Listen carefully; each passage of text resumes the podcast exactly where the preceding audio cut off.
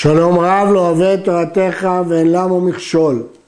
כל אלה החכמים הנזכרים הם גדולי הדורות, מהם ראשי ישיבות, ומהם ראשי גלויות, ומהם מסנהדרי גדולה, ועמהם בכל דור ודור אלפים ורבבות ששמעו מהם ועמהם. רבינה ורב אשה הם סוף חכמי התלמוד. רב אשה הוא שחיבר תלמוד הבבלי בארץ שנער, בבל, אחר שחיבר רבי יוחנן התלמוד הירושלמי בכמו מעט שנה. כלומר, התלמוד הבבלי מאוחר על התלמוד הירושלמי בערך במאה שנים. ועניין שני התלמודים, התוכן של התלמוד הבבלי והתלמוד הירושלמי הוא פירוש דברי המשנה וביאור עמוקותיה, התפקיד הראשון הוא ביאור המשנה והחלקים העמוקים שבה, התפקיד השני הוא דברים שנתחדשו בכל בית דין ובית דין ממות רבנו הקדוש ועד חיבור התלמוד, כל מה שהתחדש אחר המשנה. ומשני התלמודים, ומן התוספתא, ומספרה וספרי, ומן התוספתות, מכולם מתבאר האסור והמותר, הטמא והטהור, והחייב והפטור, והכשר והפסול, כמו שהעתיקו איש מפי איש, מפי משה מסיני. גם התבהר מהם, משני התלמודים ומהמקורות הללו, דברים שגזרו חכמים ונביאים, שלא העתיקו איש מפי איש מפי משה, אלא הם גזרו בכל דור ודור לעשות סייג לתורה, גדר, הגבלות, להרחיק מעבירה.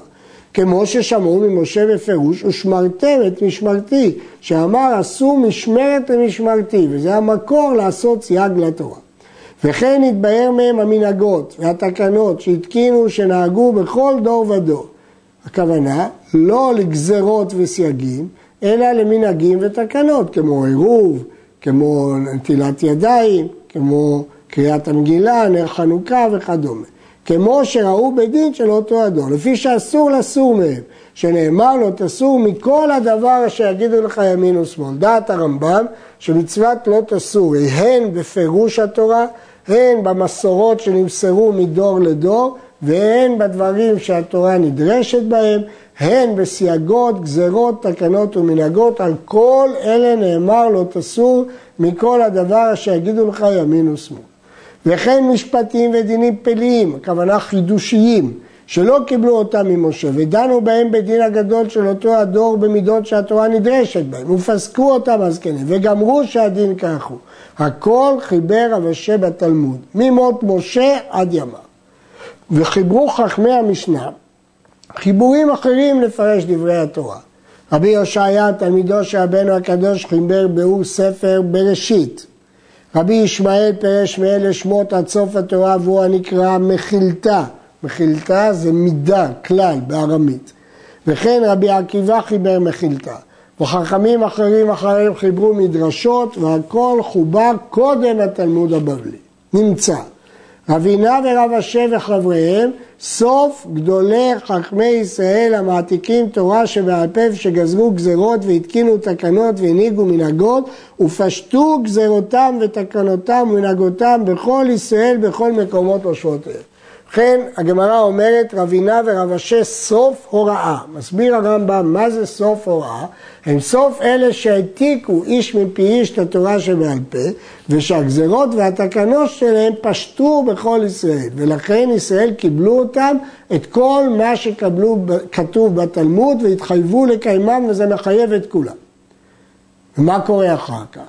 לאחר בית דינו של רב אשה, שחיבר התלמוד בימי בנו וגמרו, נתפזרו ישראל בכל הארצות פיזור יתר, והגיעו לקצוות ולאיים הרחוקים, ורבתה קטטה בעולם, כוונה מלחמה, ונשתבשו הדרכים בגייסות, ונתמעט תלמוד תורה, ולא נתכנסו ישראל ללמוד בישובותיהם אלפים ורבבות כמו שהיה קודם, אלא מתקבצים יחידים, משרידים אשר השם קורא, בכל עיר ועיר ובכל מדינה ומדינה ועוסקים בתורה ומבינים בחיבורי החכמים כולם ויודעים מהם דרך המשפט יאחו.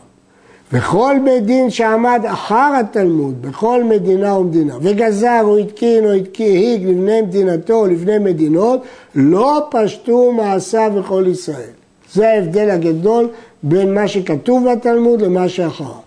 למה לא פשט? פני רוחק מושבותיהם ושיבוש הדרכים והיות בית דין של אותה המדינה יחידים ובית דין הגדול של שבעים בטל מכמה שנים קודם חיבור התלמוד. לפיכך, כיוון שהמנהגים לא פשטו ולא הוסכמו על ידי כולם, אין כופין אנשי מדינה זו לנהוג במנהג מדינה אחרת, כי אין בית דין הגדול שאישר את זה. ואין אומרים לבית דין זה לגזור גזרה שגזרה בית דין אחר במדינתו.